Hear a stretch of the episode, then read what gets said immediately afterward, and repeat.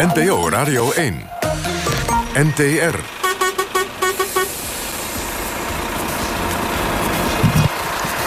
De bus van NPO Radio 1 is aangekomen in Groningen. Waar naast aardbevingen nu ook zorgen zijn over de komst van 5G. Supersnel internet op je mobieltje. Je kunt straks een tv-serie downloaden in 4 seconden. Maar kun je ook zeggen dat die straling en zendmasten zeker veilig voor je zijn? En een debat over hoe we ouderen taakstraffen kunnen gaan opleggen. En seksuele intimidatie in Groningen. Dit is het debatprogramma Kwesties. Kwesties met Marianne van den Anker. Goedenavond, luisteraars. Elke zondag reis ik in deze knalgele bus kriskras door Nederland... om vooral inwoners aan het woord te laten over wat hen aan het hart gaat. Als u wil meekijken, dan kan dat. Zet uh, uw webcam, althans wij zetten onze webcam aan... en u zet uw website aan en gaat naar radio1.nl of via de app. In onze bus hebben we verschillende inwoners. Pak de microfoon er maar even bij. Dan kan iedereen horen dat het hier volle bak is. Ja. Ja, goedenavond. Gezellig, fijn dat jullie er allemaal zijn. We gaan een aantal onderwerpen met jullie uh, bespreken. Um, een beetje een rare vraag. Maar wat kun je eigenlijk allemaal doen met een prei? Ik zeg het zelf maar even. Kiesje bakken, heerlijk soep meemaken. Maar wat nog meer? Geen idee. Ja, en taak, taakstraf mee uitvoeren natuurlijk. Wat is hier namelijk gebeurd? Een gepensioneerde man van 77 jaar werd een taakstraf opgelegd. Hier in deze provincie Groningen, waar wij staan. Over op een prachtig waagplein in de laatste zonnestralen. Hij kreeg die straf eh, opgelegd door de rechter. Hij had 38 zeebaarzen opgevist in de Waddenzee. Mee naar huis genomen. En dat is illegaal. Is ook nog eens een keer betrapt. Normaal gesproken, zei hij, vang ik er niet zoveel. Dus hij heeft ze allemaal mee naar huis genomen. Nou, van justitie mag hij uh, in het kader van de taakstraf... in totaal 80 uur prijs snijden. Dat moet hij dan overigens doen in de gevangenis. Rudy Gans, jij moet al lachen. Zo'n oude man prei laten snijden... is dat een terechte straf wat jou betreft, Rudy Gans, taxichauffeur? Nou ja, ik heb weinig verstand van vissen en, en zeebaars. Geen idee, maar... Een man van 77, een taak geeft ze dan of een boete of een gevangenisstraf. Nou ja, dit zit er juist precies tussen. En het maximaal aantal uur dat je opgelegd mag krijgen in Nederland is 240. Heeft er ja. 80 gekregen. en het is natuurlijk wel een misdrijf wat die, die die heeft gepleegd. Ja, zwaar misdrijf. Ja, zeg jij met een Ja, nee, absoluut. Ja. Zwaar misdrijf. Dan moet je heel zwaar aanpakken. Dat, dat, dat, die straf moet zwaarder. Absoluut. Laat me niet lachen. Iemand hier ooit als een taakstraf gehad? nee. Nee? Nee? Arnold Bloem niet? Nee, nee, nee. Ook niet de gedeputeerde Patrick Broens? Nee, Wat, uh, ik vind, ja. het, ik vind het wel heel goed dat de taakstraffen zijn. Uh, dat aan de ene kant. Aan de andere kant vraag ik me wel af... inderdaad, god, de leeftijd van de beste man. Uh, je moet het wel gericht inzetten. Ik vraag me überhaupt af of dit een punt is... een vergrijp is wat je als zwaar misdrijf... of je daarmee de rechterlijke macht moet belasten. laten we ons alsjeblieft op zware zaken inzetten. op zich trouwens taakstraffen niks verkeerd aan. Vind ik niet trouwens dat dan iemand daar zelf over iets over mag gaan vinden... of hij het wel of niet terecht vindt dat hij die taakstraf heeft taakstraf krijg je niet voor niks. Nee, want een taakstraf krijg je natuurlijk wel alleen maar als er een uh, redelijk zwaar vergrijp tegenover staat. Het is wel afgelopen periode wat uh, uh, veranderd, omdat je voor hele zware en seksueel getinte delicten natuurlijk nooit meer een taakstraf mag krijgen. Maar deze 77-jarige man mag eigenlijk maar één zo'n zeebaars meenemen. Hij heeft er 38 meegenomen. Ze waren ook nog eens een keer te klein. Dus kennelijk heeft de rechter daarvan gevonden dat hij 80 uur terecht was. Um, maar ja, heeft het zin, denken jullie? Arnold ja, Bloem, Sterk Westerkwartier? Of, of normaal gesproken een, eh, een taakstraf kan zeker zin hebben. Of het uh, hier het geval is, vraag ik me heel sterk af. Patrick dus, Broens, u ik, bent... Ik vraag, uh, me, vraag me altijd af, wat zijn de kosten voor, uh, voor de rechtsstaat geweest... van, van überhaupt het misdrijf wat hier heeft plaatsgevonden... en ook het uitvoeren van die taakstraf. Maar heeft hij alleen een taakstraf gekregen of ook een boete? Nee, heeft alleen deze taakstraf alleen gekregen. Okay, ja, dus anders had hij een boete gekregen of de gevangenis ingemoet. Nee, want je kan ook een boete krijgen en een taakstraf. Tuurlijk, kan dat een nog. boete voldoen ja. en de schade voldoen... En dan mag je de taakstraf voldoen. Nee, hij moet 80 uur prijs snijden. En dat doet hij dan in de gevangenis, toevallig. Omdat daar een keuken is, dus daar loopt hij dan... En het is ook prijs snijden, 80 uur. Ja. Denk je dat dat ook zinvol is, Rudy Gans? Het, ik zou het zeer zinvol vinden. Oh, jij ik zou het echt veel... Met die veel, understatement veel toon ah, van jou nee. Patrick Broens, je bent gedeputeerde hier in Groningen. Dus ook ja, niet, niet verantwoordelijk voor de rechterlijke macht natuurlijk. Maar zijn we hier een beetje met z'n allen uit de pas gelopen als samenleving?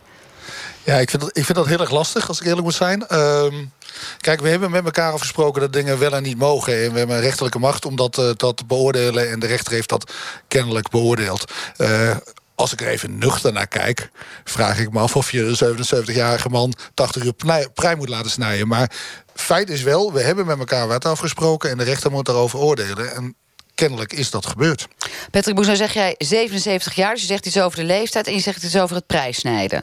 Wat denk jij dat een zinvollere straf is dan... voor iemand die nou, ik, ik, illegaal zeebaarzen opvist? Ik, ik heb zelf een reactie gelezen van deze man... die gewoon zegt, ik, uh, ik zat fout. En ik wist dat ik fout zat. Dat gaf hij ook nog toe. Uh, dus ja, en hij zei ook nog: Ik doe het normaal nooit. Maar we hadden, ik vang normaal nooit zoveel. Nu eindelijk een keer een goede Ja, dat, dat, dat begrijp ik wel. Maar goed, uh, ik, heb, ik heb twee jonge kinderen. En uh, stel je nou eens voor dat die zeggen: Dat doe ik normaal nooit. Maar net nu heb ik het tijdschriftje uit de boekwinkel meegenomen. en vergeten te betalen. Ja, dat, weet, dat zal ik nou ook niet goed vinden. Hè? Dus we hebben met elkaar afspraken.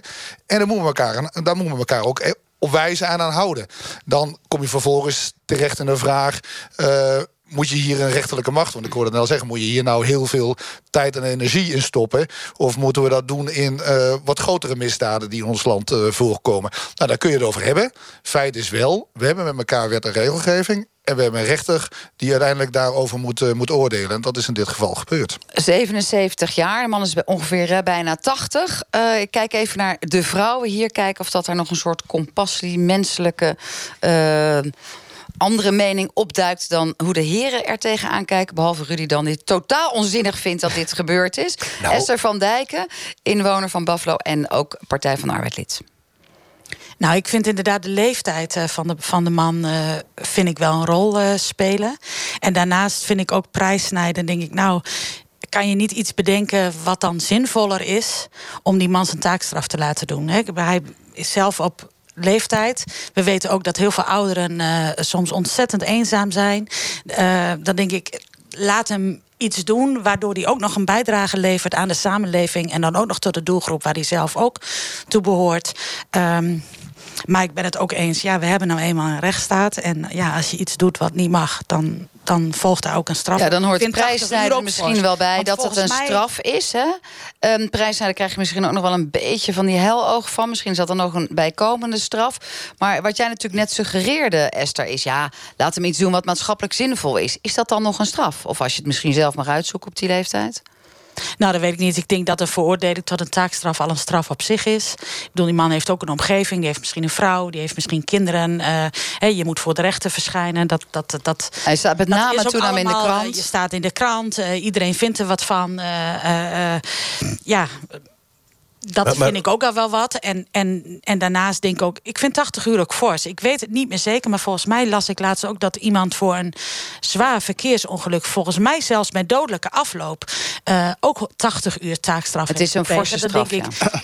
Dat vind ik niet in verhouding tot, tot 38 uh, visjes. Uh. Laatste vraag aan jou, Rudy Gans. Want jij bent degene hier het oudste is als ik zo om me heen kijk. Mensen die naar uh, de, de, onze app gaan kunnen dat ook zien. 21. Wat vind jij een taakstraf? 21. Wat vind jij een goede taakstraf voor wat oudere mensen? Ik heb me daar niet zo mee bezig gehouden. de leeftijd vind ik juist minder belangrijk. Want ook iemand van 77 tegenwoordig... nou, ik kom ze wel eens tegen en denk van... dan wil ik geen ruzie Beroepscriminelen. Uh, bijvoorbeeld. Nee, leeftijd vind ik minder. Maar Welke taakstraf dan wel? Nee, ik, ik, ik, weet, ik, ik ben geen voorstander van taakstraf. Daar ben ik het helemaal niet met hem eens. Nou, die discussie gaan we nu niet meer starten... want we hebben nog een aantal andere onderwerpen... die hier spelen in Groningen, maar ook in de rest van Nederland. Ons prachtige fietslandje. We lijken ongeveer wel geboren te zijn op de fiets. In veel steden is er nu wat gedoe... want er zijn heel veel fietsen. Niet alleen dat men rondfietst... maar ook natuurlijk dat er heel veel irritaties ontstaan... tussen wandelaars en fietsers die elkaar tegenkomen. Veel mensen zetten hun fiets overal maar lukraak neer en houden geen rekening met anderen. Het is een bron van irritatie in heel veel steden. Hoe pak je dat probleem nou eigenlijk aan? Moeten we ervoor zorgen dat mensen in de stad bijvoorbeeld vaker gaan wandelen? Rudy Gans, u bent taxichauffeur. En als ik in een taxi zit, dan hoor ik bijna heel vaak wel van taxichauffeurs, maar ook wel van mensen met wie ik eens in de auto zit, gevloek over die fietsers. Doe jij dat ook? Ik word er niet heet of koud van. Jij, uh... Dat doet me niks. Nee, je bent het gewend. Uh, helemaal hier als je in de stad rijdt. Waar ik me wel... Ik erger me er wel aan. Alleen ik, ik, ik laat het niet zo blijken. Zeker niet tijdens de rit en zeker niet met een, met een klant. Ik ben geen chauffeur die uh, zit te schelden. Voor een deel is dat jouw professionaliteit. Je zal nergens Misschien, over schelden. Oké, okay. dat is... en je bent, bent het gewend? Ik ben het, de fietsers ben ik gewend. En ook de fietsers. Ik erg me er wel aan. En, en, en zeker voor een staartbeeld. Als je hier bijvoorbeeld de Oosterstaat binnenkomt. En zeker uh, in de nacht. Nou, dat weet meneer Browns waarschijnlijk ook. Op de zaterdagnacht, dan is er niemand die nog over het voetpad loopt. Want dat kan niet. Je wordt onvergefietst. Beide kanten, beide kanten staan de fietsen geparkeerd. De fietsen komen je eenrichtingsweg of niet. Hè? Ze komen je met drie, vier man breed tegemoet. Gaan niet aan de kant. Ja, wat moet je dan? Soms ja, denk ja, ik wel eens van, ga ja? door en ik rijd door. Maar dat mag natuurlijk niet, want je bent te fout. We gaan eerst even een rondje maken over hoe, of mensen dit ook daadwerkelijk een ergernis vinden. Hè? Want we hebben daar natuurlijk wat onderzoek naar gedaan. In veel steden is het echt aan de orde. Niet alleen het fietsen, maar vooral het parkeren, dat ding maar overal neerkwakken. Arnold Bloem van Sterke Westerkwartier. Ja, nou, ten eerste zou ik zeggen, als mensen echt de fiets heel ergelijk vinden, graag vooral in het buitengebied wonen. Dus het Westerkwartier is schitterend. Uh, Holland is ook heel erg mooi. Er is alle ruimte voor de fiets. Ik woon in het buitengebied. Dus dat is, dat is heel mooi. Eén, uh, uh, Groningen was en is volgens mij heel erg trots dat ze ooit fietshoofdstad uh, geweest zijn. Uh, nou, het fietsen en wandelen, ik ben het met de OV-fiets gekomen. Je mag hier dus ook waar gewandeld wordt echt fietsen. Je mag hem ook overal neerzetten. Ja, staan bijna nergens, fiets... behalve bij het museum staat hier geen fietsenplaatsen. Maar dat is ook echt de enige plek. De fiets is ook iets fantastisch waar we heel trots op mogen zijn in Nederland. En ja, in de stad zorgt het soms voor een klein beetje overlast. Maar ik, ik vind het ook wel goed dat we allemaal onze lichamelijke beweging op die fiets krijgen. Dus geef die fiets vooral de ruimte en maak niet overal een punt van. Pieter Jansen, herken jij deze ergernis van vele andere mensen, de geparkeerde fietsen? Ja, die herken ik heel goed. Ik woonde tot voor 3,5 jaar in Amsterdam in de Pijp. En daar was het echt een heel groot probleem. En sinds ik hier woon, heb ik zoiets van: wauw, waar hebben we het over? Valt reuze mee. Het is allemaal zo rustig en je kan niet overal terecht. Je kan niet overal parkeren, je kan niet overal met de fiets. Dus ik herken het hier niet. Daarom. Um, Patrick Broens, gedeputeerde voor het CDA. Herkenbaar? Nou ja, ja, ja herkenbaar. Uh, ik, geef toe als ik in de auto zit en uh, er schiet me iemand op een kruising uh, net weer voorbij, waardoor ik noodstop moet maken. Dan denk ik er ook wel wat van. dat kan anders omgekeerd is ook zo. Er is en die geparkeerde fietsen, want dat is natuurlijk ook waar veel mensen gaan erg denken van... joh, je kan toch die binnenstad ook een stukje lekker wandelen. Dan zet je die fiets aan de buitenkant van, de, van hè, bij wijze van spreken... de winkelstraten neer, Rudy moet al lachen. Eens even naar Patrick ja, ja. luisteren. Kijk, kijk laten we heel eerlijk zijn. We mogen blij zijn dat een heleboel mensen die fiets pakken. Uh, dat geeft op de eerste plaats beweging. Uh, en dat is toch echt zeker onder, onder onze jeugd echt wel een aandachtspunt uh, geworden tegenwoordig. En ten tweede, het ontlast deze binnenstad. Moeten we ons voorstellen dat iedereen die nu op een fiets komt met de auto zou komen. Wat dat met deze binnenstad zou gaan doen, dan is die, die volstrekt niet meer bereikbaar. Dus ik denk in die zin nog wel heel Er zijn toch ook veel steden die er om het probleem aan te pakken er nu voor kiezen dat gewoon de binnenstad wandelgebied is. Dat is net zo gezond. Wandel je ook wat calorieën ja, eraf. In, uh, hier in de Herenstraat mag je ook niet fietsen. Is dan ook een van de weinige straten. Sorry? Dat is ook een van de weinige straten waar Nee, als je, als je hier in de winkelstraten bent... dan mag je daar in principe niet fietsen. Dat het gebeurt is wat anders. Maar dan komen we eigenlijk bijna terug op het vorige onderwerp. Dan moet daar uh, op toegezien worden... De handhaven taakstraf. Zit ook de fietser straks ja, te snijden. Rudy Gans. Nee, de, de, handhaving, dat is juist het probleem. Dat is er niet. Want ik, ik, ik werk op de zaterdagnacht... Uh, globaal van 7 tot 7. Dat is 12 uur lang. Je komt heel veel politie tegen. Te paard, auto, fiets en wandelaars. En dan lopen ze door de Oosterstraat. Er komen daar zes, zeven man op de fiets komen je tegemoet. Maar dat mag niet, het is eenrichtingsweg. Op scooters komen ze eraan. is geen agent die er wat van zegt. En, maar oké, okay, je ergert je er wel aan. Zouden we daar dan onze goede politie- en handhavingscapaciteit aan moeten opgeven? Als ze daar lopen. Als ze daar lopen. Ja, maar daardoor kunnen ze niet iets anders doen. Met de zure tijd. Dan, dan, dan een fiets op de bon slingeren die dat eigenlijk niet mag. Een fiets op de bon slingeren die dat niet mag. Ik, ze hoeven mij, wat mij betreft niet gelijk een bon uit te schrijven... maar in elk geval aanspreken. En dat gebeurt niet meer. En als niemand, we hadden het net over die regeltjes... en daar ben ik het best wel mee eens. We hebben uh, wetten en we hebben regels, omdat we afspraken moeten hebben. We moeten een samenleving zijn. Maar dan moet je daar ook op handhaven. En dat is wat er niet gebeurt. Er, fietsen... Als ik... Uh, we krijgen nou nog een voorbeeld verder. Kom je dan direct eventjes mee? Ja, ik ben heel benieuwd, Esther, wat jij ervan vindt. Zijn we te tolerant richting die fietsers, als je Rudy zo hoort? Nou, dat vind ik niet. Ik, uh, ik vind inderdaad, uh, uh, zelf vind ik het ook altijd een mooi gezicht. Hè. Als je naar de universiteit met de auto rijdt, dan, dan zie je al die studenten naar de universiteit gaan en naar school gaan. Dan denk ik, ja, dat is hun vervoersmiddel. Inderdaad, het parkeren is soms een probleem. Maar dat is ook een kwestie van handhaven. Um, of, of omkat, zoals wordt gesuggereerd. Ik kom ik weer met mijn gewandel. Laat ze die fietsen ergens in een mooie parkeerplek stoppen en dan lekker wandelen. Nou ja, ik denk dat, je daar dus, dat, dat daar dus wel een taak ligt, misschien wel voor de, voor de overheid, om te zeggen: we maken goede, brede fietspaden, zodat ook mensen met de elektrische fiets, want dat hebben we tegenwoordig ook als ik eh, als, ik voor jezelf spreek, heb je al zo'n ding? Ik heb een elektrische oh, fiets, zeker. Heel goed, heel goed. en daar twee punten, twee punten over. Want één, ik weet niet of je vandaag ook uh, nog bij, uh, bij het uh, hoofdstation geweest bent ja. in Groningen. Daar zijn de fietsen keurig weggewerkt. Ja. Dus dat is hartstikke mooi neergelegd. Tweede, juist inderdaad wat meer ruimte voor die fietsers die vanuit het platteland naar Groningen komen. Een fietssnelweg van Leek, Marum naar Drachten moet er zo snel mogelijk komen. Groningen moet niet achterlopen met het aanleggen van fietssnelwegen op het platteland. Zodat we juist veel kunnen fietsen. We moeten juist fietsen, moeten we juist aanmoedigen. Maar waar parkeren we, dan al die fietsen? Ja, dat parkeren, dat is natuurlijk wat, veel mensen ja, maar kijk nou naar het straatbeeld. Uh, ben je net door de Oosterstraat gekomen, ja, over de Gelkinstraat? Ja. Heb je de voetpaden gezien? Ik vind, ik vind het toch verschrikkelijk. Ja, ik vind het dus heel mooi Nederlands. Een mooi Nederlands? Ja, ja. Voetpaden zijn... Wij, wij krijgen hier heel voetpaden veel... Voetpaden zijn om ja. te wandelen, toch? Ja, of de fietsen staan keurig aan de zijkant. In, studenten, in, de, in, de studentenstad is het toch heel erg mooi. letterlijk wordt de bril overhandigd De studentenstad is toch schitterend om wat fietsen te hebben. Jawel, ik, ik, eh, ik heb niks tegen fietsen. En eh, inderdaad, vanaf Eelde hierheen fietsen... Het is te doen. Voor mij niet, want ik, ik, ik rij op een taxi. Maar, en ook liever niet, hè, want dan verdien ik niks. Maar als je in de stad kijkt als je naar de universiteit rijdt, prima. Vind ik, heeft die mevrouw gelijk in. Al die fietsen op een rij. Ja, oké. Geweldig om te zien. Maar juist in de stad, hier op de, in het centrum, dat zie je bijna van de sokken fietsen. Uh, op de straat, op de stoep, tegen de richting in, met de richting mee. Het maakt allemaal niet meer uit. Verlichting of geen verlichting.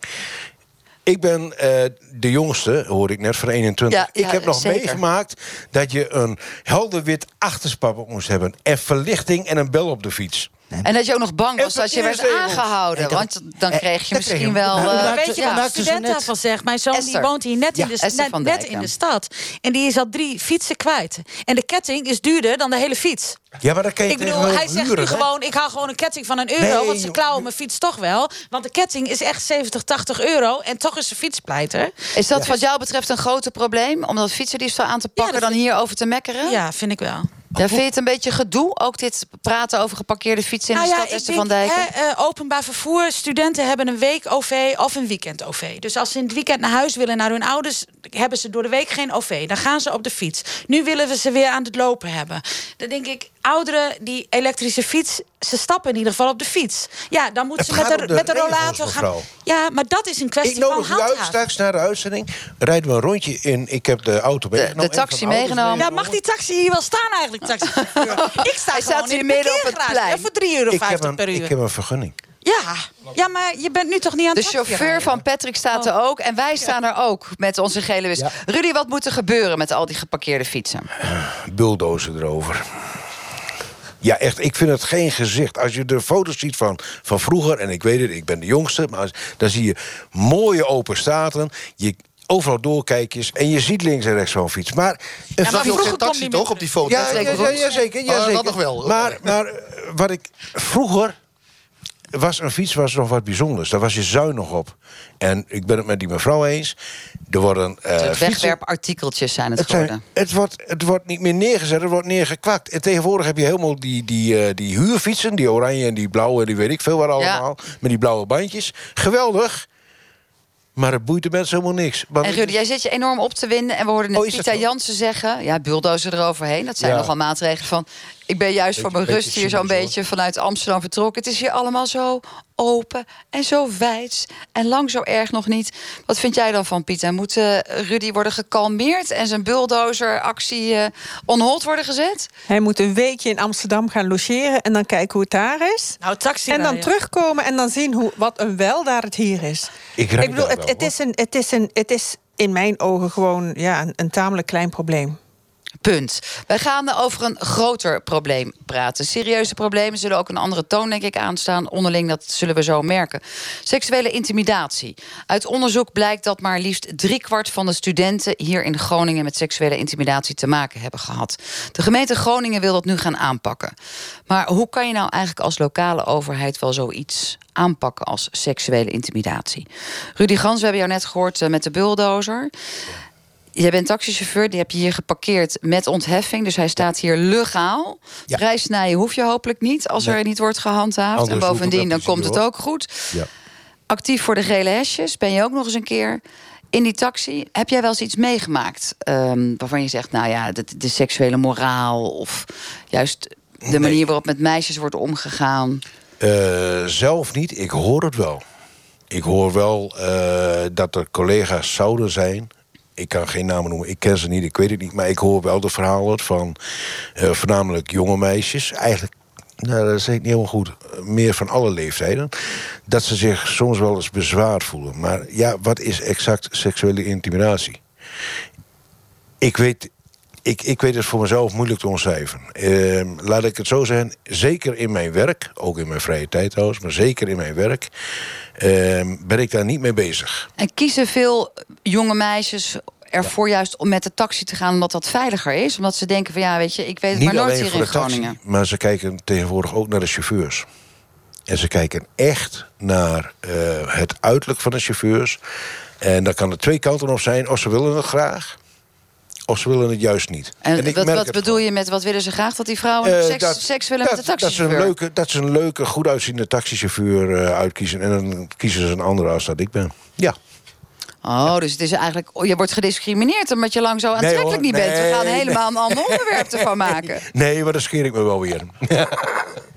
We hebben overigens ook verhalen gehoord dat jonge meisjes soms willen betalen door het laten zien van, hun, van hun borsten. Ja, in Natura, ja. Dat, ja, nou, dan, dan zeg je het nog heel netjes hoor. Ik, eh, ik heb wel eens aanbiedingen gehad met mijn uiterlijk. Dat ik denk van, joh, waar Maar hou je hoe gaat dat dan? Eh, chauffeur, ik moet van hier, eh, van A naar B. Laat ik, het, laat ik het netjes houden. Ik moet van A naar B, maar ik heb, eh, ik heb eigenlijk... geen eh, poen. ik heb geen geld. Kunnen we het even anders oplossen? Mag het in Natura? Eh, eh, mag ik ook betalen met tietengeld? Tietengeld? Ik had er nog nooit van gehoord. Nee, en wat is dat Nou, dan? Dat is gewoon bloesje uittrekken, eh tieten laten zien. En mag je er dan aan zitten als taxichauffeur? Eh, of een van dat hangt van de lengte van de rit af. En Jeetje. wat, ja, echt, ja, Oké, Het en neem aan met jouw waarden en normen... dat je zelfs al echt aan geparkeerde fietsen... dat jij daar niet op ingaat. absoluut. niet. Zeg je dan ook nog iets tegen die meisjes? Van, joh, doe eens normaal. Eh, en dat moet je ik- niet vaker doen. Als, ik het, eh, als ze voordat ze instappen, weiger ik ze. Want eh, als ik daar eh, voor rondrijden moet, dan weet ik niet meer hoe ik mijn diesel betalen moet. Eh, als het tijdens de rit ter sprake komt, dan zeg ik er even van: schaam je niet. Waar ben je mee bezig? Ehm, ik heb altijd wel, maar ik weet niet of mijn collega's het doen, maar dat is wel mijn instelling. Als iemand bij mij komt en die zou zeggen: joh, ik ben mijn portemonnee kwijt, ik ben mijn bankpasje kwijt. Dan zeg ik: joh, waar moet je heen? Ik breng je veilig heen. En dan regelen we de betaling op een Dat of andere manier. kan achteraf. tegenwoordig ook met een tikkie. hè. Kan- Voel jij je nou wel eens nog seksueel geïntimideerd als man zijnde... als, als er op deze manier vrouwen, jonge vrouwen jou bejegenen? Of vind jij het meer zielig voor hen? Nou, nee, ik, ik, ik, heb het, ik heb het nog niet meegemaakt. Ik ben daar niet mee bezig. Ik ben met mijn werk bezig en ik breng de mensen veilig thuis. Dat is mijn insteek. Nou, is het wel een serieus probleem? Want er is hier onderzoek gedaan. Het is een recent onderzoek. 688 eh, jonge studenten. 74% zegt dat ze te maken hebben met seksuele intimidatie hier in de stad. Heeft ook te maken met sexting. Ehm, iemand ervaring mee? Esther van Dijk, jouw zoons misschien? Eh, nee, niet dat ik weet. Ehm, eh, maar ik vind het wel ingewikkeld. Hè? En ik denk dat het eh, eh, seksuele intimidatie is ook een gevoelskwestie. Eh, hè, als je ergens langs loopt en er wordt gefloten of er wordt een opmerking gemaakt. De ene die haalt zijn schouders op en die denkt. klets een eind in de ruimte. En voor de ander, die misschien het nodig heeft meegemaakt in, in vroegere jaren, uh, komt dat heel hard binnen. Uh, ik weet ook van. van uh, mensen dicht om mij heen die zeggen: Ja, goh, ik ga op stap, maar nou ja, ik doe maar niet een kort rokje aan, want dan heb ik weer de hele avond dat.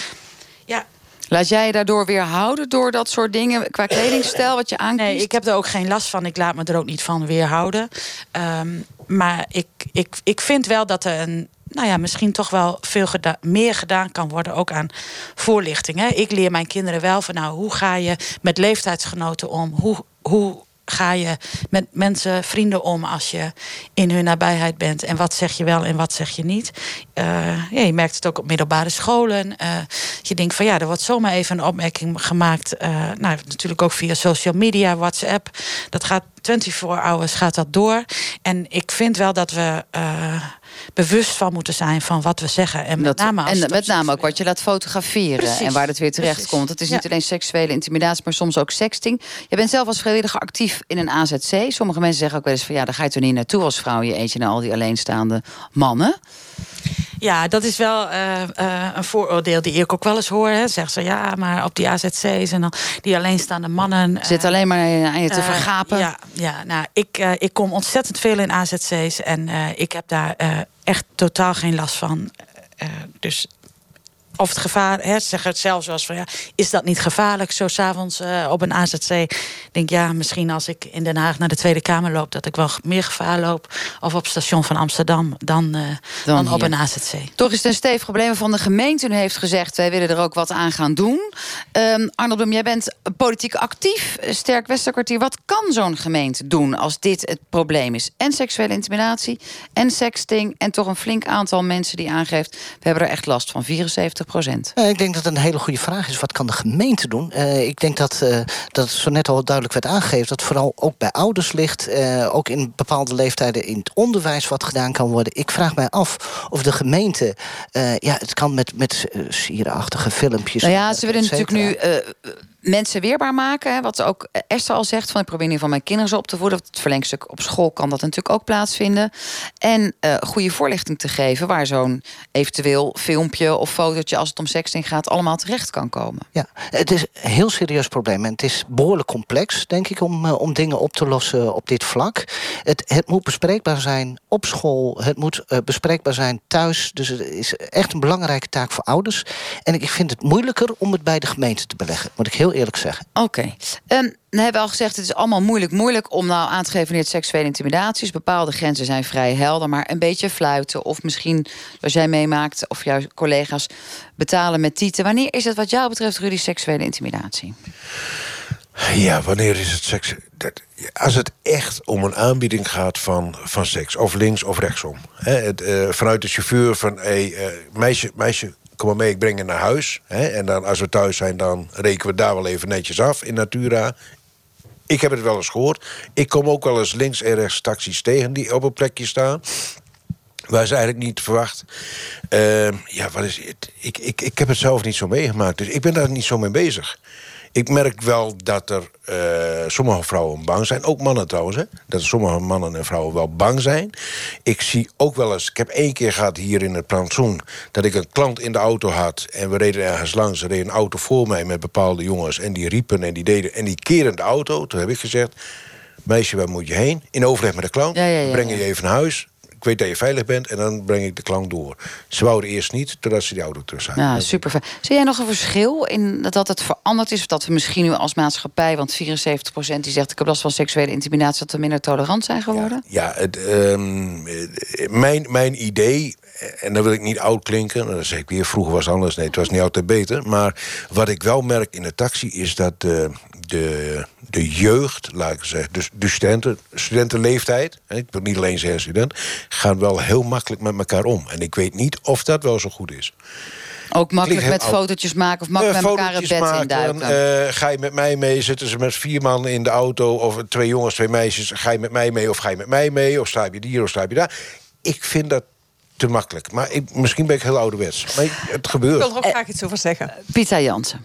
Um, ik weet niet zo goed hoe je dat op moet lossen. als gemeente. Misschien voorlichting of wat eh, Esther zegt, opvoeding. Maar wat ik ook denk is dat er in de hele samenleving zoveel accent ligt op seksualiteit. In reclames, in films. In, het lijkt wel of alles over seks gaat. Het lijkt wel of liefde over seks gaat. En het lijkt wel of seks en je uiterlijk zo ontzettend belangrijk is in de hele marketing van weet ik veel wat allemaal, van shampoos tot schoenen. Dat ik me ook, dat ik ook wel eens denk dat jongeren en ook jongens en mannen. Ehm, ook in de waar zijn. En ook meiden in de waar zijn over wat de waarden in het leven zijn. Dat klinkt misschien heel ouderwets, maar ik vind. Nou, Rudy het... knikt met zijn jonge leeftijd zeer instemmend. Ja, we zitten ook in dezelfde leeftijdsgroep, Rudy en ik. Ja, ook 21. Ja. Dus, zie je wel? ja. Dus ja, nee, maar ik ben het helemaal ik vind het gewoon, Ik vind het gewoon een maatschappelijk probleem. Niet alleen dat er seksuele intimidatie is, en die is er altijd, en dat heb ik ook meegemaakt. En dat, dat maakt iedereen bijna mee, denk ik. Ging, wanneer was het voor jou seksuele intimidatie? Als je even dat terughaalt in de film. Hoe dat is? Ja, wat was dat voor een voorbeeld? Ja, allerlei. allerlei maar echt intimidatie, niet echt over het randje. Niet dat ze echt ook aan je gingen zitten. Of allerlei wat je soms nu wel eens van meisjes hoort in een discotheek... dat ze gewoon onder je broekje uh, met twee vingers erin gaan. Nee, dat, dat, normaal wordt gevonden. En dik tegen je aanrijden. Ja, nee, dat is allemaal dat is allemaal heel vervelend en dat, dat, dat moet niet. En daar moet iedereen, ouders moeten daar inderdaad... en ook leerkrachten en de gemeente misschien in voorlichtingscampagnes... dat weet ik niet zo goed. Maar in algemene zin denk ik... we zijn met z'n allen, de hele samenleving lijkt wel oversext. En dat is een probleem waardoor er heel veel jonge mensen... in de waar zijn en daaraan meedoen. En zo denk ik het. Zo nou, ik er tegenaan. Mooi, mooi gesproken. Ik weet niet of iedereen het met je eens... maar in ieder geval klinkt het heel stevig. En Rudy heb je weten te overtuigen van het feit... dat we met z'n allen in de war zijn. Misschien ook nog wel als we met elkaar vaststellen dat ook uit het onderzoek is gebleken... en de gemeente wil daar natuurlijk ook iets mee doen... dat er ook steeds meer meisjes, dat geldt niet alleen in Groningen... gewoon gedrogeerd worden. Oh ja. En dan ja. Ja, herken je dat? Ja, ja, ja, ja. ja, ik heb het meerdere malen meegemaakt dat de meisjes bij me in de auto stappen. En nee, ik ga niet, niet, niet te diep. Maar, dat de meisjes bij het me gewoon zonder dat je iemand er verder mee in uh, gevaar brengt. Of echt de weg kwijt. Dan weten ze niet meer waar ze wonen. Ze weten niet meer wat er gebeurt. Ik heb ze wel eens in de auto gehad dat ik met ze meeloop en dan breng ik ze op bed. En dan bellen ze me de volgende dag op van... Dank je. Ik ben... Uh, ik word wakker op mijn logeerkamer. Wat is er gebeurd? Ja, Esther, herken je dat? Je hebt ook niet alleen uh, uh, politiek uh, een, een, een ehm, voorkeur voor de Partij van de Arbeid, zullen maar zeggen, maar ook in de gemeenteraad gezeten. Hoe zou je het moeten doen, dat aanpakken en misschien ook dat drogeren? Wat heb je voor een beleid nodig als gemeente? Nou ja, ja. Het is gewoon heel lastig om daar als gemeente iets aan te doen. Hè? Want wat er in discotheken, op feestjes gebeurt. ja, hoe wil je dat in? Nou ja, sluit zo'n tent. als, als Rudy kan laten, kan achteraf zo'n meisjes waar ze voor het laatst geweest is en daar is het dus gebeurd. Ik, ik vind gewoon dat precies. Hè, dus de onderneming waar dat gebeurt, de mensen die daar werken, de portiers, de beveiliging, die ziet wat er, wat er, wat, wat er gebeurt. Uh, uh, ja, toen ik 15 was, toen kon ik rustig mijn drankje op, op de bar laten staan en even naar het toilet. Ja, dat kan nu niet meer. Hè. Je, je moet echt gewoon uh, opletten met wat er met je drinken nou, gebeurt. Nou, zelfs als je hem vast hebt. Hè? Maar ze zijn heel, heel gehaaid hè, met iets erin gooien. Ik heb, ik heb uh, voorbeelden gezien, maar daar heb ik echt wel een voorlichting uh, over gehad. Dan hebben ze een, een beker, ze houden hem omhoog en er zit wat in. Ja, ja, ja. En is dat, en is dat nou omdat ze... Hè, die, die, zijn dat dealers die mensen verslaafd willen maken? Of is dat ook daadwerkelijk, we drogeren een meisje... en zo kunnen we die makkelijk meenemen en daar dan seks mee hebben? Beide. Allebei. Beide, beide voor, denk ik. Ja. Nou, misschien dan een taak voor de provincie, uh, Patrick Broens? nou ja, ik denk niet dat dat een taak voor de, voor de provincie is, eerlijk uh, gezegd. Nou, we kunnen hem niet blijven rondtoepen, hè? want straks nee, is het de politie weer die het moet oplossen. Kijk, wij, ook hiervoor geldt gewoon dat... Uh, uh, we hebben weer de regelgeving, dat mag niet, hè? Dus uh, in principe uh, hebben we politie die daar uh, op zou moeten ingrijpen als het gebeurt. ik ben het met, met, Esther eens. Je kunt een, een uitbater kun erop aanspreken, maar dan moet hij het wel weten. Want precies wat, ja, wat, wat, jij ook zegt, als, als, mensen er iets ingooien en het barpersoneel ziet het niet, ja, kun je dan die ondernemer wat verwijten? Dat denk ik niet. Dan kun je die ondernemer niet verwijten. Ehm, maar ja, die pilletjes zijn ook binnengekomen. Als het goed is, word je toch ook tegenwoordig gefouilleerd. Ik bedoel, Maar nee, ja, ik heb, ik heb nee? hier, ben heb ik te hier naïef, Rudy Gans? Oh. Daar, daar, Nee. daar niet op. Op wapens misschien wel. Tegenwoordig kom je misschien door poortjes heen. Ik ben Maar pilletjes kan je overal mee naartoe slepen. Nou, in principe wel, denk ik. Ja, is Lekkere heel wereld, moeilijk Arnold Bloem. te controleren. Dus eh, dit- het, het, daarom, ik zeg van, goh, regels hebben is, is prima. Je moet ook weer niet te veel regels hebben, maar je moet ze ook kunnen handhaven. En ja, die pilletjes, ik zou niet weten hoe je dat waterdicht gaat krijgen... dat mensen pilletjes mee... Hoe erg het Wat- hè, want wat je wil het het niet. Je wil het niet. eh, Maar ik, ik- je moet soms ook praktisch blijven. Ik vraag me af of dat... Nou, wat, wat praktisch zou kunnen zijn, ik leg het maar even aan jullie voor... is dat de gemeente worstelt met het feit dat er weinig aangifte wordt gedaan... door meisjes die zijn gedrogeerd. En dat je daar Nee, misschien... aangifte, a- in, Patrick principe, in principe zou ieder meisje of iedere jongen, iedere vrouw en iedere man zou aangifte moeten doen. Want dat is namelijk de enige manier om zicht te krijgen op wat er gebeurde, hoe groot dat probleem is. Maar dan heb ik nog steeds niet de illusie dat we eh, zeg maar eh, erachter komen wie het gedaan heeft en dat we daarop kunnen ingrijpen. Maar als je ziet dat er in bepaalde tenten zeg maar, meer gebeurt dan een andere...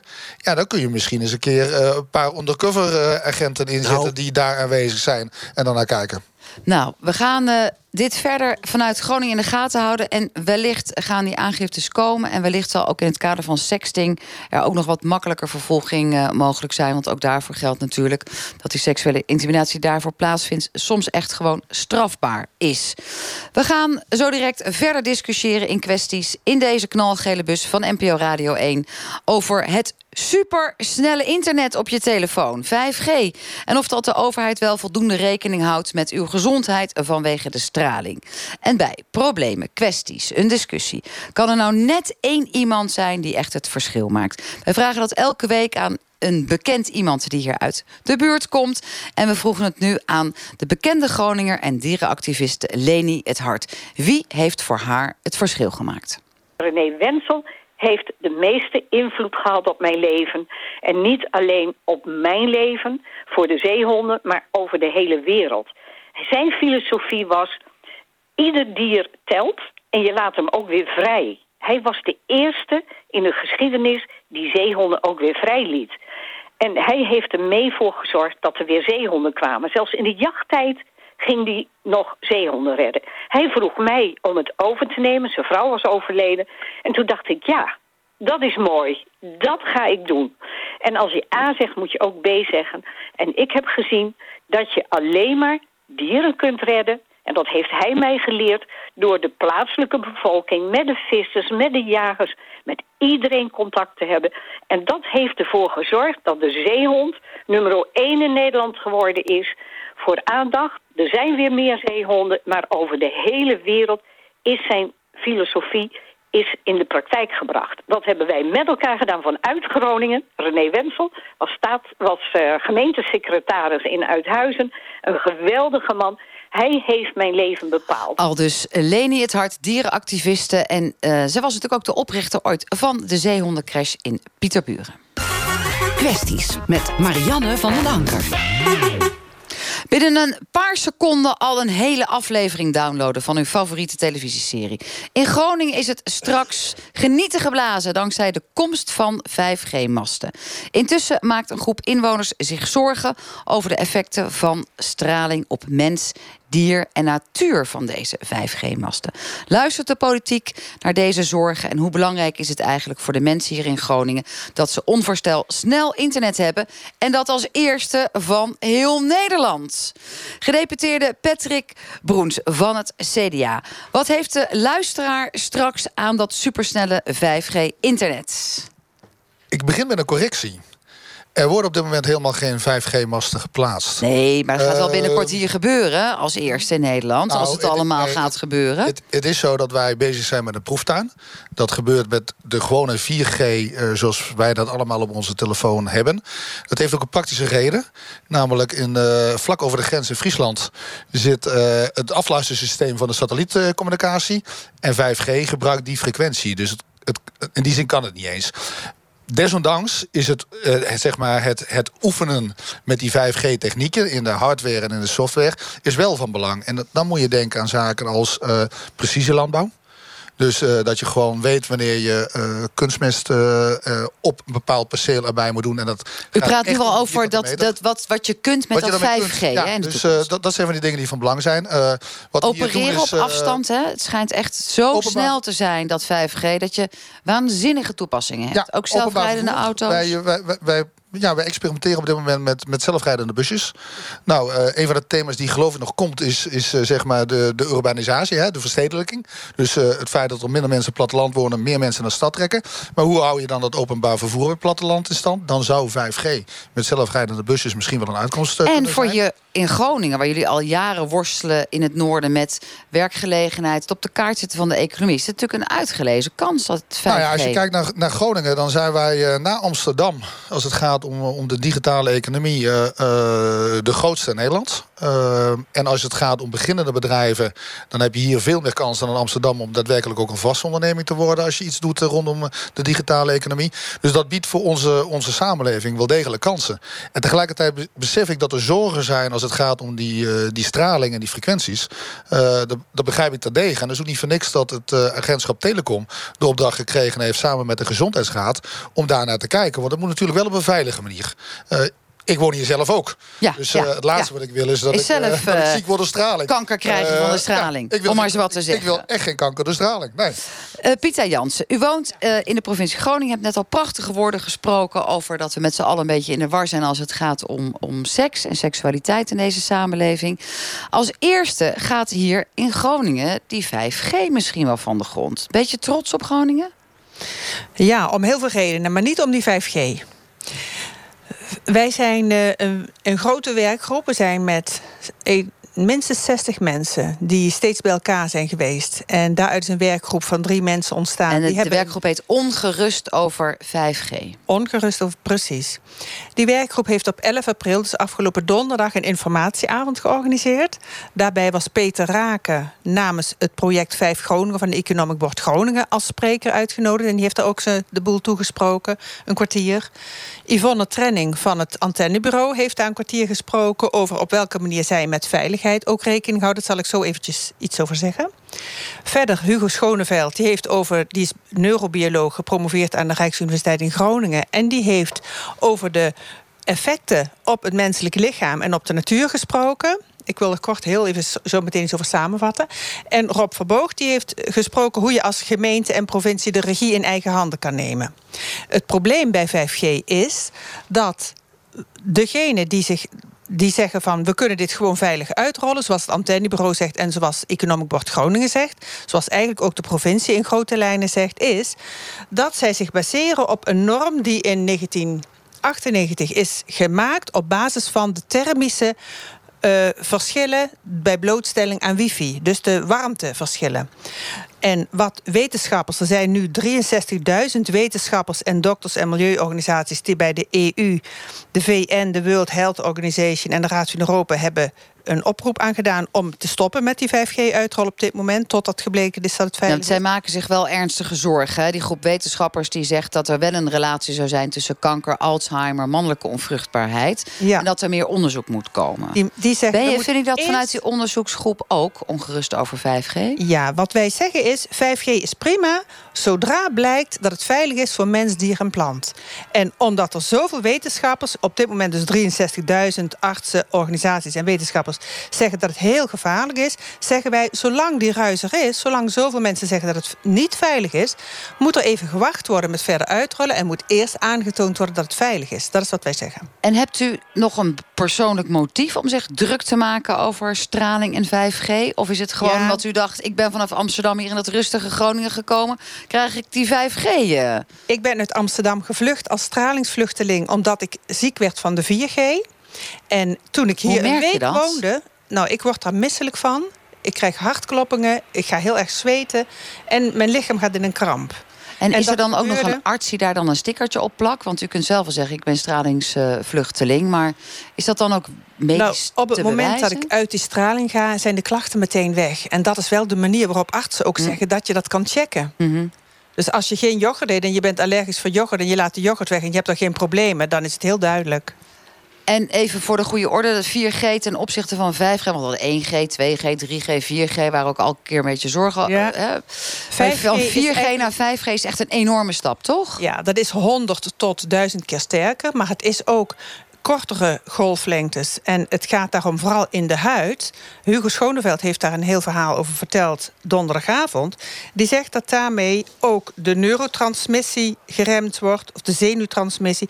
Maar wat ik het grootste zorg vind is dat het DNA aangetast wordt en dat er mutaties komen in het DNA. Dus onze kinderen, kleinkinderen. U maakt zich echt, echt wat dat betreft zeer veel zorgen en heel wil pas dat er, dat blijft uw standpunt, pas dat het doorgaat als er zekerheid is dat het veilig is voor de gezondheid. Precies. En daar is Patrick voor verantwoordelijk. Die is daar ook mee bezig. Hè, dat als hij het wil introduceren als gedeputeerde... dat het veilig moet zijn. Gelooft u iets van dit soort verhalen? Dat, dat straling invloed heeft, 4G? Ik, ik, ben niet, ik ben niet verantwoordelijk voor de veiligheid. Laat er even voorop staan. Hè. Nou ja, het lijkt me wel. Als u iets invoert onder uw verantwoordelijkheid... als gedeputeerde uh, een handtekening zet onder 5G... dan bent u mede verantwoordelijk voor het feit dat het safe is. Het ministerie is degene die uh, uiteindelijk 5G uitrolt over Nederland. Of niet. Dat moet blijken. Die frequenties worden vermoedelijk geveild. Wij hebben een gezondheidsraad en we hebben een antennebureau... die daar onderzoek naar doen of laten doen. En dat zijn degenen die de normen stellen naar Nederland Nederland waarbinnen dingen wel of niet veilig kunnen. Wat ik als gedeputeerde zeg, als het veilig kan... en op dit moment zeggen deze instanties dat het veilig kan... Dan, dus dat is de randvoorwaarde, als het veilig kan laten we dan in Groningen daar ook gebruik van maken. Dat is wat anders. Oké, nou zijn er wel dus 180 van die uh, uh, geleerden uit verschillende landen... die wel al twee jaar geleden hebben gezegd bij de Europese Commissie... stop er nou mee, stop er nou mee. Bent u daar gevoelig voor, zegt u nee. Ik ga toch gewoon voor de mainstream opvatting... dat het voorlopig veilig is.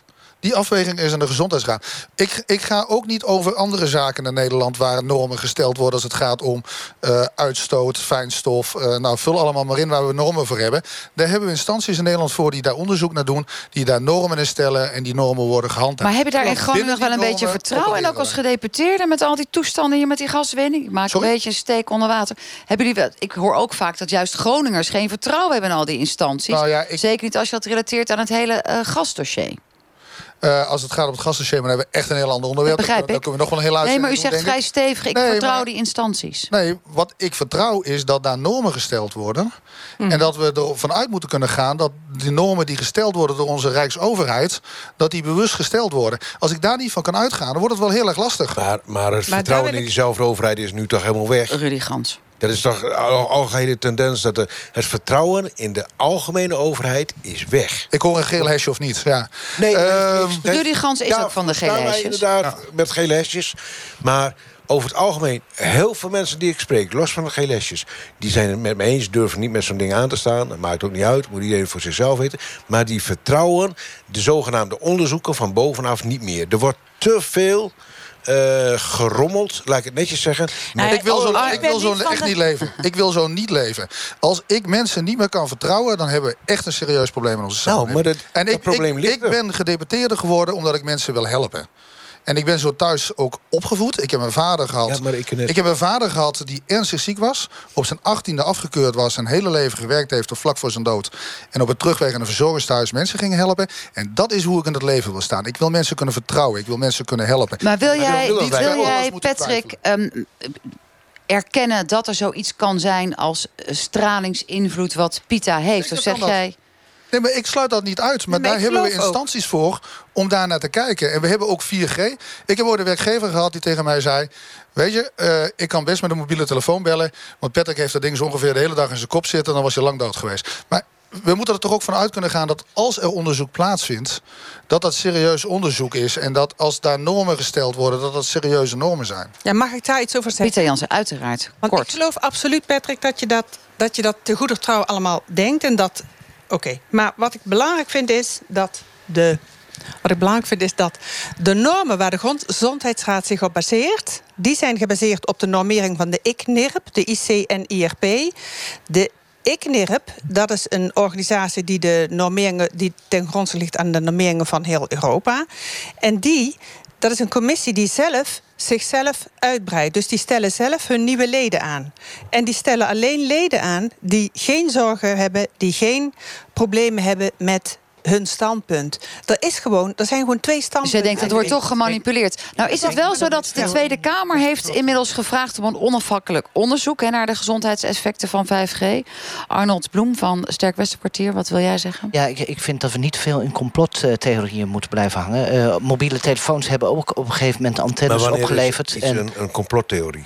Ja. Wanneer, Kijk, maar beschuldig jij Pieter nou inderdaad van een complottheorie... Nou ja, dat ze spoken ziet en uh, van de... Ik zeg ook van, goh, de Gezondheidsraad... Uh, die is er ook niet bij gebaat dat er onderzoek uh, gedaan wordt... wat vervolgens leidt tot toch nog kankergevallen... door invoering van 5G. Maar vraag jij, ik heel, zit ook niet in het complot... maar vraag jij soms ook niet af van... hoe kan het in hemelsnaam? Als die 5G er is, kun je dus op afstand bestuurbare... met robotten opereren. Fantastisch, fantastisch. Dus, krijgen we eindelijk een... Ja, maar dat gaat wel allemaal door de lucht, toch? Hoe gaat dat dan? Dat willen we toch heel erg mooi. Een, een treinverbinding van Amsterdam uh, via Lelystad, Emmeloord naar uh, Drachten. lijkt mij fantastisch ook. Groningen? En straks gaan we teleporteren. Hartstikke goed. En we, we, hebben we, hebben technologisch, we hebben technologische vooruitgang. Dat is soms heel mooi. En, en natuurlijk, de, natuurlijk moeten we daar kritisch wat kijken. De, wat doet de werknemer We moeten dan? wel kritisch gaan kijken wat het doet met je gezondheid. Wat doet de werk... En daar hebben we een gezondheid. En, en vind jij dan dat, dat, dat, dat de Tweede nee. Kamer alert genoeg is? Want de Tweede Kamer heeft nu gezegd... toch maar een onafhankelijk onderzoek. Terwijl als de Tweede Kamer dat niet had gevraagd...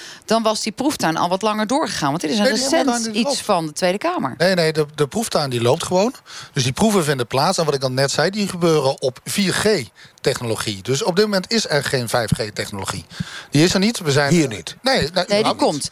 Uh, als het wij goed is, als, 4G. even voor, voor de luisteraar, als het allemaal doorgaat, dan komt hier in Groningen het als eerste. Dan in 2020 komt het in Amsterdam. En dan vanaf Nou ja, 2025 in- kan het in de rest van Nederland worden Nou, uitgerold, 5G. Het 2020 is heel snel, eh, zeg ik erbij. Om de doodevoudige reden dat er is net door het Rijk besloten... dat men gaat kijken hoe we het frequentieprobleem kunnen oplossen. En zolang de satellietcommunicatie in Friesland... de afluistercommunicatie in Friesland... op de 5G-frequentie draait, gebeurt er helemaal niks. Dus dat moet eerst wat- opgelost maar u worden. Dus zei net 2020 is in- echt heel snel, hoor. Maar u zei net als gedeputeerde dat de economische kansen... en de kansen voor Groningen en de technologische vooruitgang Zeker. met 5G... Maar natuurlijk ook echt ik- super zijn. Ja, maar het biedt ook ontzettend veel kansen. Net zo goed als 4G dat nu doet, biedt 5G nog veel meer kansen. En ik heb erbij gezegd, want ik, ik geloof namelijk helemaal niet dat het een complotdenken is. Ik denk dat het oprechte bezorgdheid is over de gezondheid. Van mevrouw Pieter eh, Jansen. ja, en die, die, die bezorgdheid, daar moet iets mee gebeuren. Dus Maar hoe jullie heel dan als provincie zeg maar zo'n werkgroep mee? Mogen zij inspreken? Of Maar daar zit krijgen met ze name wel een probleem. heeft. De werk- Oké. de- Deze werkgroep de- heeft met mijn Esther van Dijk. gesproken. Ik denk dat daar met name wel een, wel een probleem zit. Hè. Deze werkgroep heeft ook mijn fractie, eh, eh, eh, Partij van de Arbeid, bezocht, eh, bezocht. En waar het allereerst moet, is luister naar de zorgen van de mensen. Zowel in de gemeentes als in de provincie. We horen te vaak, niet alleen over dit onderwerp, bij gemeentes, we gaan er niet over. Provincie, we gaan er niet over. Ja, zo gebeurt er van alles in ons land. En als het puntje bij paaltje komt, gaat niemand erover. Als je er niet over gaat, dan moet je zorgen dat je er wel over gaat. Precies. Want we, we vinden er wel Heel wat goed. van. Als je Ja. luistert naar de burger, dit is een groep burgers die heeft zorgen. Of je die zorgen nou deelt of niet. Maar luister, daar begint het al mee. Nou, Hè, want dankjewel.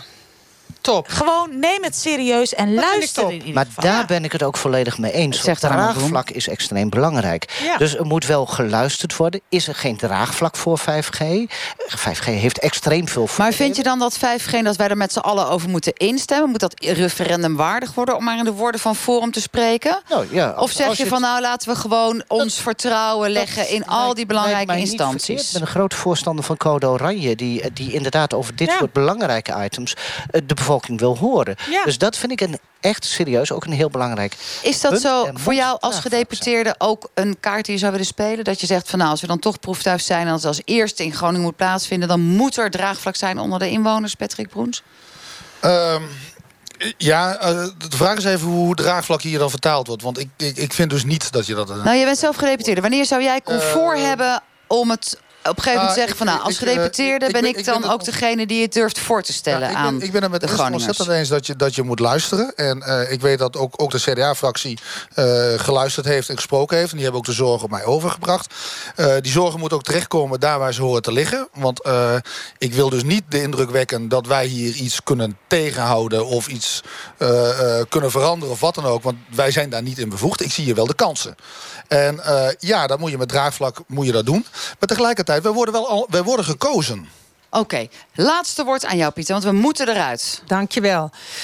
Um, als 5G vrij, veilig is, dan is het prima voor ons wat ons betreft. Maar de burgers in Brussel hebben gezegd... we willen het niet tot het blijkt dat het veilig is. De burgers in Genève hebben gisteren gezegd... we willen het niet tot het veilig blijkt. De burgers in de Utrechtse Heuvelrug hebben gezegd... we willen het niet tot het blijkt dat het veilig is. De ongerustheid van mensen is zo groot... gecombineerd met de 63.000 wetenschappers, artsen en milieuorganisaties... zou dat we als de zo de meter alert moeten zijn. Maar wie Dank jullie wel. We, we gaan dat hier in Groningen volgen... want het is voor de rest van Nederland van belang... Tot zover kwesties vanuit Groningen. Ik dank jullie allemaal vanuit de bus. Blijf zo direct luisteren naar Radio Doc met een portret van Margot de Boer. Volgende week wordt ze 88 en ze verstaat de kunst van het ouder worden zonder te klagen. Ook al is ze sinds een jaar weduwe. Wij zijn er volgende week weer dan vanuit Rotterdam. We danken jullie allemaal. Een hele fijne avond nog. En uh, zo direct is de nieuwsupdate van de NOS. En dan is het alweer 9 uur. Een hele fijne avond vanuit dit prachtige Groningen. En uh, ja, met of zonder 5G, dat zien we de volgende keer.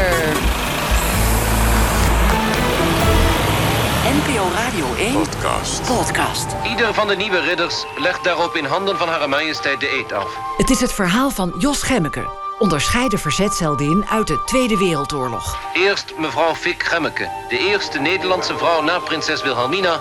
die met de militaire Willemsorde begiftigd werd. Maart 1945 werd Jos gedropt met een opdracht die ze altijd geheim heeft gehouden. Ja, dat gaat niemand wat aan. Mijke van Wijk sprak haar oudtante vlak voor haar dood in 2010. Dat vertel ik niet. En duikt daarna de oorlogsdossiers in... op zoek naar de waarheid van toen en die van nu. Een gek verhaal, hè? maar het is wel zo. Luister de podcast Tante Jos via de NPO Radio 1-app... en de bekende podcastplatforms. Er is maar één Nederlander zoals jij... Alleen jij weet hoe je wilt leven en wat je wensen zijn voor je eigen thuis. Daarom biedt Nationale Nederlanden verschillende hypotheken die passen bij het leven van nu. Zoals een hypotheek speciaal voor ondernemers, nieuwbouw of senioren. Kijk op nn.nl of vraag je adviseur welke hypotheek van Nationale Nederlanden bij jouw leven past. Een zomerhuisje, een schedel en een strijd op leven en dood om een safraanperenboom. Ik ben Nicoline Misé en mijn boek Moord op de moestuin ligt nu in de winkel. Tover jouw interieur om in een ware loungeruimte. Bij Goosens Wonen en Slapen profiteer je tot en met tweede paasdag van de zesde stoel gratis. Kies uit meer dan 400 stoelen. Bezoek een van onze Inspiration Stores of ga naar goosens.nl. Vanavond in de Monitor. Onrust over de komst van arbeidsmigranten in de buurt. Er werd gedronken, er werd gestolen. Waar moeten ze wonen? We hebben 120.000 mensen die in ongewenste situaties zitten. En waar zijn ze welkom? Als die ergens moeten komen, is dit misschien wel een goede plek. Nee, wij vinden dat niet. De Monitor, om tien over half elf bij Caro en CV op NPO 2. Als je nu thuis naar de radio luistert en denkt... wat staat die reclame hard? Grote kans dat de buren dat ook vinden. Doe eens lief. Dank je wel namens de buren en sieren. Wat doen leiders over vijf jaar anders dan nu? Kom ook naar Agile Leadership Europe, het event over het leiderschap van de toekomst. Aanmelden op managementboek.nl/slash agile. NPO Radio 1